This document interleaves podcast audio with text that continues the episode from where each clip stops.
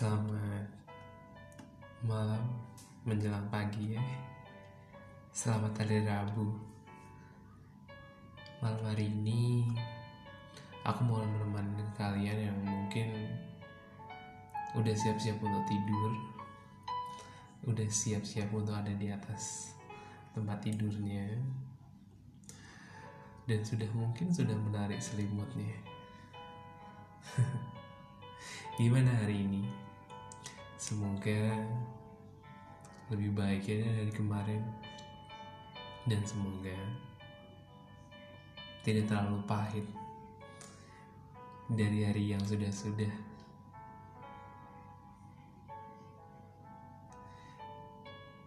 Kadang kita harus tersenyum ketika hati kita sedang pahit. Karena mau seperti apa, kita harus tetap berjuang dan kita tetap harus bertahan. dan malam hari ini aku ingin sedikit sharing tentang LDR pacaran jarak jauh ya. Di mana adalah salah satu orang DM ke gua dan dia bercerita tentang kehidupan perjalanannya selama menjalani asmara ini. Semenjak sekolah SMA, dia sudah LDR sama pacarnya. Ngejalanin semuanya bersama-sama. Pahit, sedih, susah. Mereka lewati semuanya bersama. Bahkan dari titik nol si pasangannya dia masih mau untuk menemani sampai pada di titik kesuksesan di pasangannya ini. Tapi setelah 4 tahun LDR itu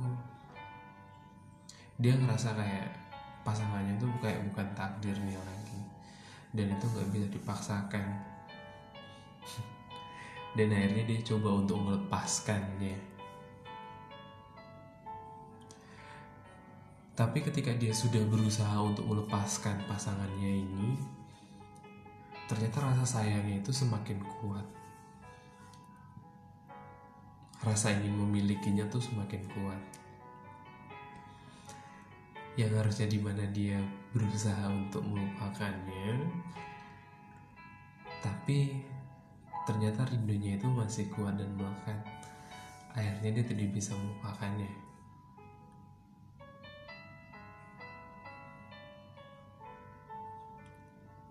dan dia mencoba untuk mendekati kembali pasangannya. Dia rela untuk menjadi seperti apa dan bagaimana ngejalanin hubungan. Jarak jauh karena memang dia sejatinya percaya tentang keseriusan selama dulu dia menjalani hubungan. Tapi sakit banget gak sih ketika kita sudah memberikan sebuah percayaan ke mereka kepercayaan itu di disia-siakan. Kepercayaan itu dilepas begitu saja. Sampai pada titiknya dia tahu semuanya. Cowoknya ini punya wanita lain dan akhirnya dia mencoba memilih pergi. Ninggalin seseorang yang udah dia perjuangkan selama ini. Ninggalin seseorang yang dia harapkan dan dia yakini bahwa ya dia adalah seseorang yang bisa menemaninya. Tapi ternyata tidak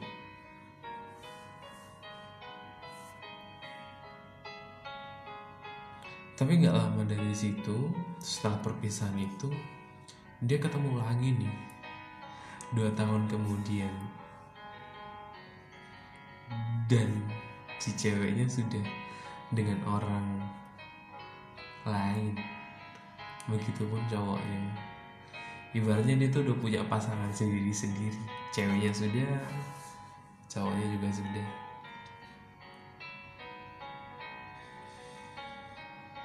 tapi bedanya adalah di mana si ceweknya pada saat itu posisinya sedang kurang harmonis dengan pasangannya.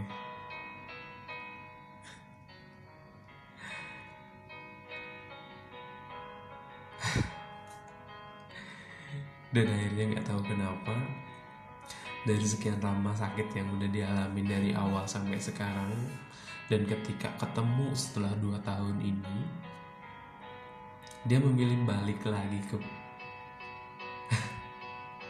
ke pasangannya yang sudah nyakitin dia di awal.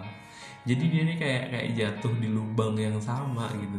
Dia udah tahu pernah disakitin dia udah pernah tahu dikecewain. Tapi dia mencoba kembali. Kadang memang cewek kayak gitu ya. Dia tuh um, rela stay ke seseorang yang kalau dia tuh udah bener-bener sayang banget dan dia tuh udah bener-bener cinta banget kadang cewek tuh dia nggak mikirin nggak lah gue mau berkorban buat dia. Sampai sejauh itu. Dan percaya atau enggak si ceweknya ini nunggu buat cowoknya putus sama pasangannya. Jadi dia dijadiin orang kedua dan dijanjikan bahwa dia akan dipilih. Dia akan memilih. Tapi sudah ketahuan dong. Sudah kedebak akan seperti apa endingnya.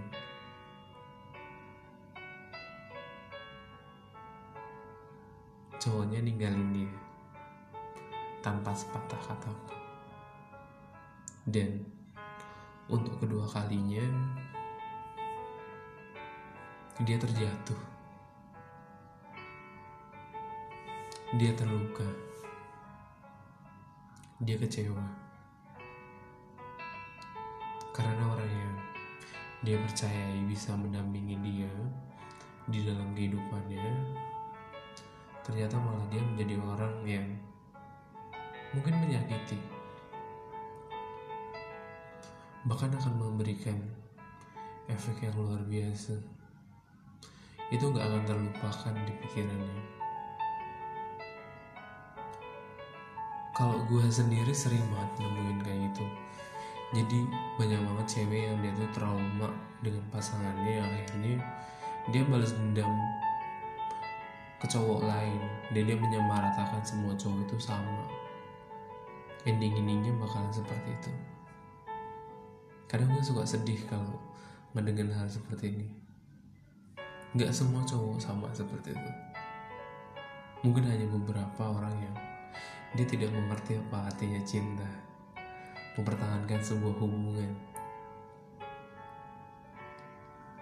Dan buat kalian pernah nggak sih ngalamin hal-hal kayak gini? Kalau kalian pernah coba share ke gue buat nanti bakalan gue bawa di podcast hari berikutnya.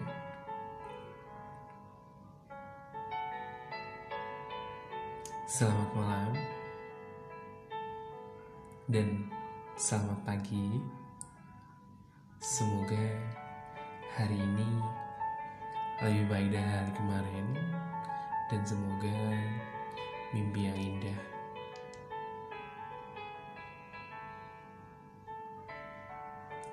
Jangan lupa bersyukur tentang apa yang telah Tuhan berikan kepada kita.